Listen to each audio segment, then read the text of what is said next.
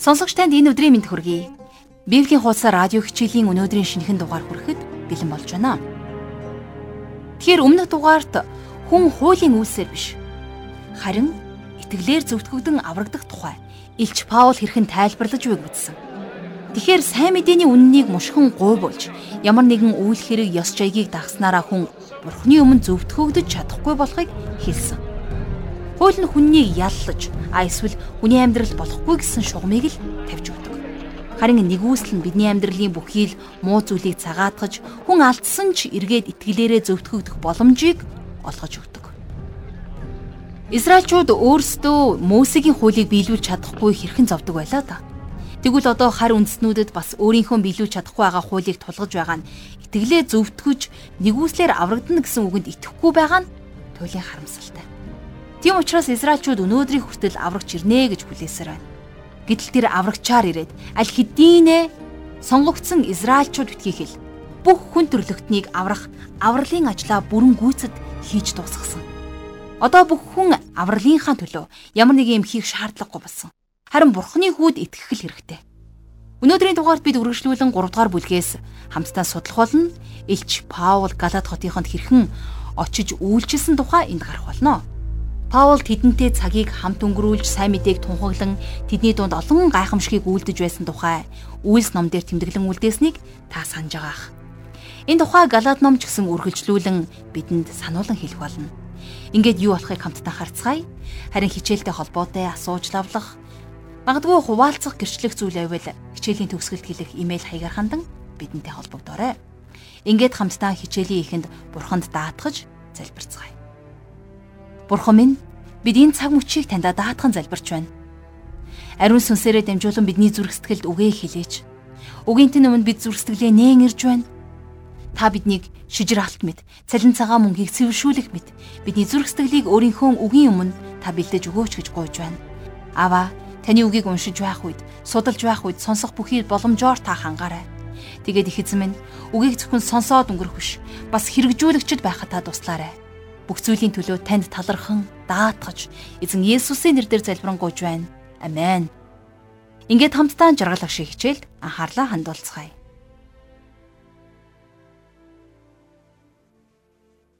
За Паулийн Галат хотынд хандан бичсэн энхүү загталд сайн мэдээний чухал үнэн баримтууд за дээрэс нь итгэгч хүн болгоны санаж явах учиртай зарчмууд гарч байгаа. Тэгэхээр өмнөх хичээлдээр бид нар Галаат номын 2 дугаар бүлгийн 20 дугаар ишлэлийг үзээд зогссон. За энэ дээр би нэг зүйл сануулж байсныг та санаж байна уу? Өөрийгөө цовдлох тухай мунхаг бодлосоо салаарай гэж, тийм ээ. За хамтдаа өнөөдөр 2 дугаар бүлгийн 20 дугаар ишлэлийг дахин уншийе. Амьд байгаа нь би биш. Харин миний дотор амьдардаг Христ юм. Идүгэ махбоддоо миний амьдарч байгаа нь намайг хайрлаж, миний төлөө өөрийгөө өргөссөн Бурхны хүүд итгэх итгэлээр амьдарч байгаа хэрэг юм а гэж Паул бичсэн байна. Тэгэхээр Паул өөрийгөө Христтэй хамт цовдлогдсон харин одоо тэр Христэд итгэсэн итгэлээрээ махан биеийнхээ дотор амьд байна гэж хэлсэн байна. За нэгэн удаа чуулганы нэг хүн надаас цовдлогдсон амьдралаар та амьдрдаг уу гэж асууж байсан. Үгүй би амьдрдаггүй. Харин та өөрөө гэхэд тэр хүн хэсэг тэнэгэлзэж байснаа юулда би хичээж байгаа гэж. Тэгэхээр хүн цовдлогдсон амьдралаар амьдрах боломжгүй. Цовдлох гэдэг үгэнд нэгэн сонирхолтой утга агуулгадж байдаг юм. Хүн өөрийнхөө амийг өгөөтгэх олон арга байгаа тийм ээ. Дүүжилж, буудаж, хор ууж, эсвэл өндрөөс үсэрч. За бүр машин доор орох гэх мэтэр. Тэгэхээр амиа өгөөтгэх олон арга байдаг ч гэсэн хүн өөрөө өөрийгөө цовдлж чадахгүй. Та баруун гараараа зүүн гараа цовдлон хадаж болох ч гэсэн харин үлдсэн баруун гарыг чинь хэн тэгээд хадах болж байна. Тэгэхээр өөрийгөө цовдлон гэдэг бол ердөөсөө боломжгүй.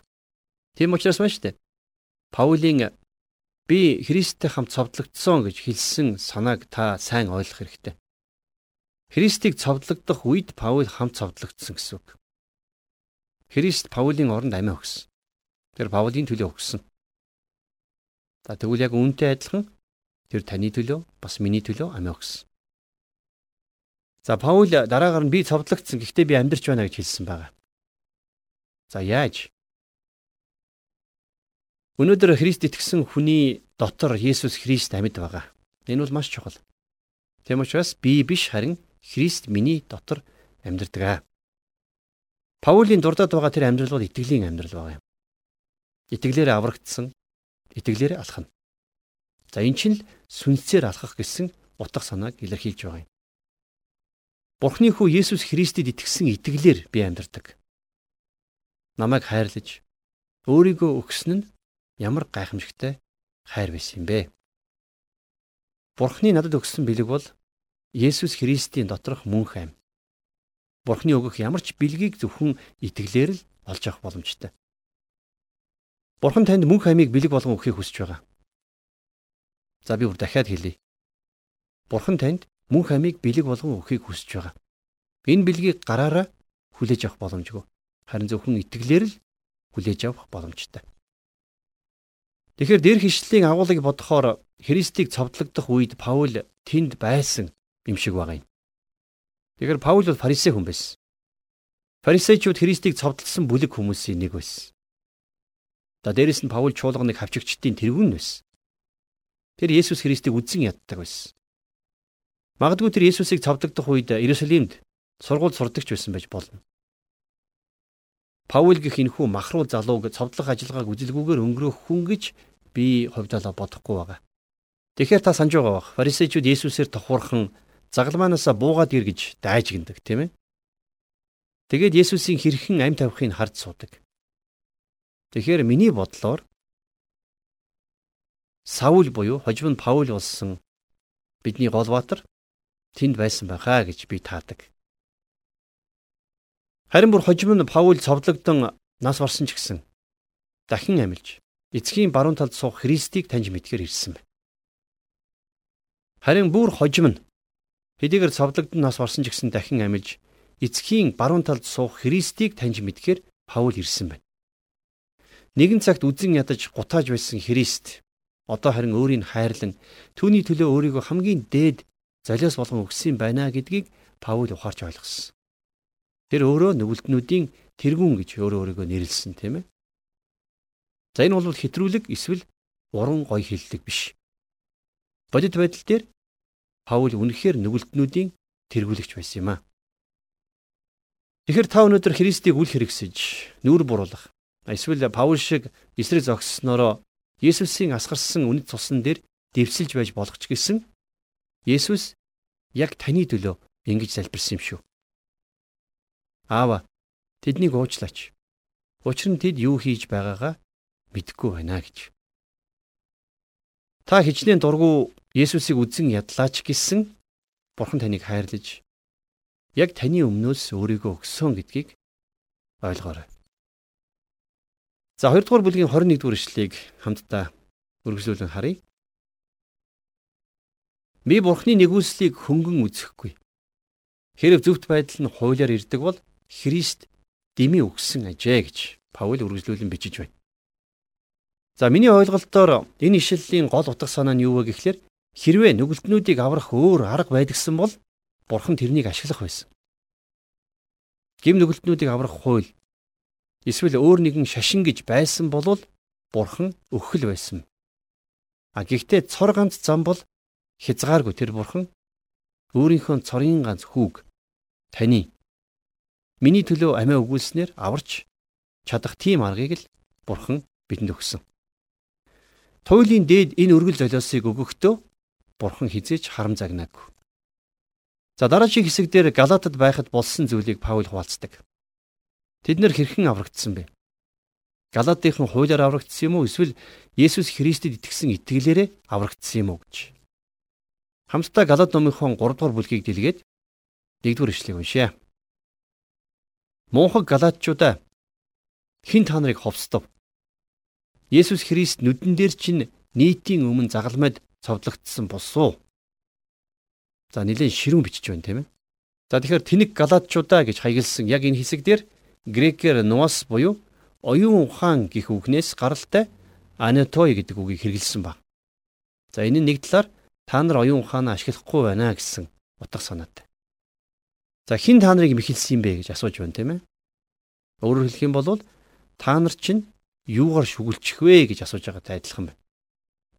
Есүс Христ цовдлогдсон тухай Паул бүр тэдэнд дүрслэн үзүүлсэн.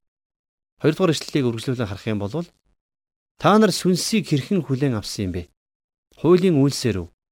Эсвэл сонсснороо итгэсэн үү? Зөвхөн үүнийг л та нараас мэдгийг хүсэж байна гэж. За тэгэхээр сүнсийг хуулийн үйлсээр үү эсвэл сонссноор хүлээж авсан уу гэж Паул энд их тодорхой асууж байна. За энд Паул сонссноор гэж хэлсэн нь хүний эргэтэн чихний тухай ярьсан болов? Үгүй баха. Энэ бол бүх үйл явцыг хэлсэн гэж би хувьдаа бодож байна. Та авралыг хүлээн авахаас өмнө эхэлж ямар нэг юм сонсох хэрэгтэй. Яагад гэвэл сайн мэдээ бол Бурхны танд зориулсан үг шүү дээ. Тэгэхээр энэ хэсгээр Паул хэд хэдэн асуулт тавьж байна тийм ээ. Тэр тэднээс өнгөрсөн удаад юу болсныг иргэн сана гэсэн байна. Тэгээд өөрсдийнх нь үзэж мэдсэн зүйлийн дагуу 6 асуулт асууж байгаа. За хамгийн ихний асуулт нь та нар сүнсийг хуулийн үйлсээрээ хүлээж авсан уу? Эсвэл итгэлээр сонссноор хүлээж авсан уу гэсэн байна. За Библийн хаанч за хуучин гэрээнд ч ариун сүнсийг хуулийн үйлсээр хүлээн авсан хүн гэж байдаггүй. Харин зөвхөн сонсож, итгэж хүлээн авсан л байгаа. Тэгэхээр ариун сүнс бол аврагдаж өөрчлөгдсөний баталгаа. За Ром номын 8 дугаар бүлгийн 9 дугаар эшлэлдэр Хэрэг Бурхны сүнс үнэхээр та нарын дотор оршиж байвал та нар махбодоор бус харин сүнсээр байна. Хэрв хин нэг нь Христийн сүнс байхгүй бол тэр түүнийх бишээ гэж Паул маш тодорхой бичсэн байгаа. За бас үргэлжлүүлээд Эфес номын 1-ийн 13 дугаар ишлэлийг би энд иш татъя. Паул ингэж бичиж байгаа. Түүнд ор та нарч бас үнний үгийг буюу авралынхаа сайн мэдээг сонссон бөгөөд түүнд итгэсэн мөн амлсан ариун сүнсээр тамгалагдсан гэж. За харин хоёр дахь асуултыг хамтдаа 3 дугаар ишлэлээс үздэцгээе. Та нар тийм мунхаг гэж юу? Сүнсээр эхэлж одоо та нар махбодоор төгс болгогдож байна гэж юу гэж Паул асуусан байна. За саяны ишлэлдэр Паул тэднээс анх Христээр ирж ариун сүнсээр аврагдсан хэрнээ одоо харин хууль руу эргэлээ гэж юу гэж асууж байна. За дөрөвдүгээр ишлэлийг үргэлжлүүлэн харах юм бол та нарын өчнөн их юм зовсон чинь дими байсан юм гэж юу? Хэрэг үнэхээр дими байсан бол за энэ төр зогсъё.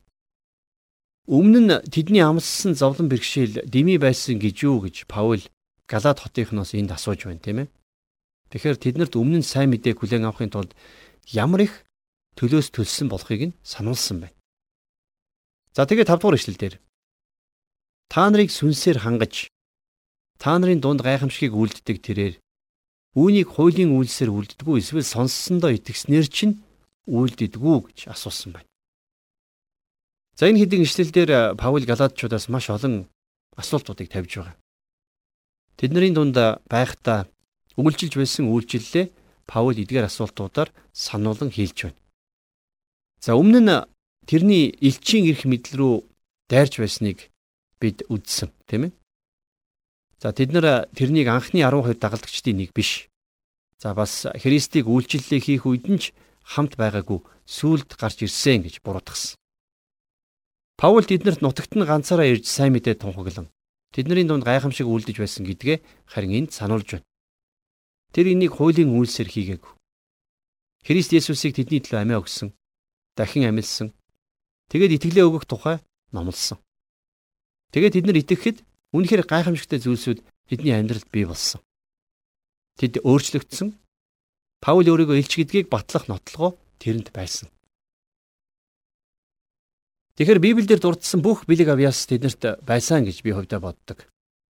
Паул гайхамшгуудыг үлддэг байсан. өвчтөе хүнийг эдгэж за тэр бүхэл үгсэн хүнийг амьлуулж байсан. Анхны 12 дагалдагчдын нэг Симон Петр ч гэсэн бас л адилхан гайхамшиг үлддэг байсан.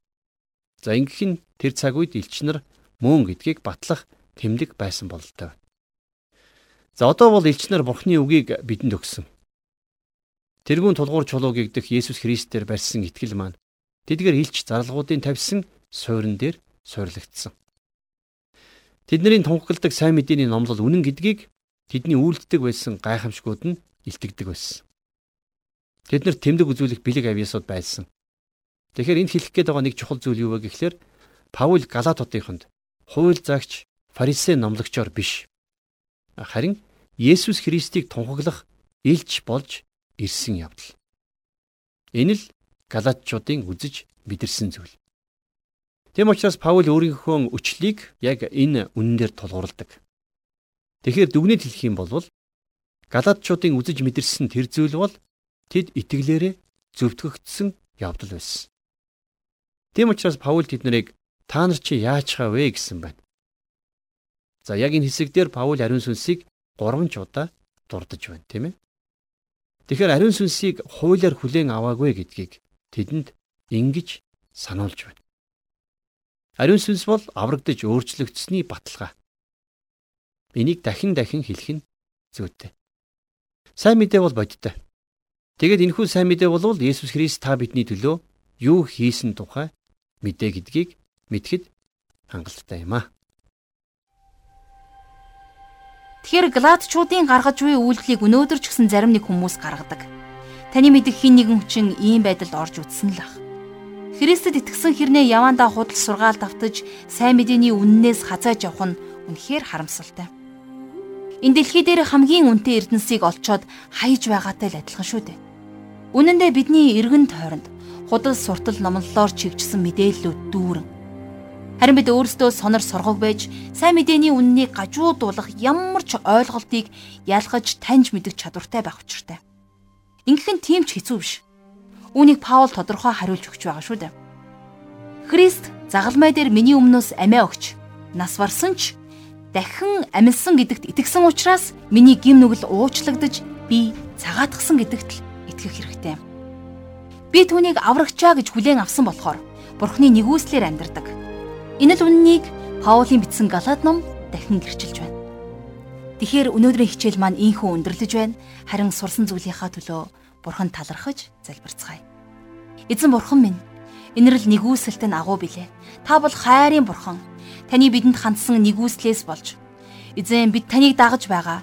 Бид хүчээр биш, бас албадлагаар биш харин сайн дураараа чин сэтгэлээсээ баяр хөөртэйгээр танд итгэж таны үгийг дагаж мөн бусдад таны гайхамшигтай хайрыг тунгаглахыг бид хүсэж байна.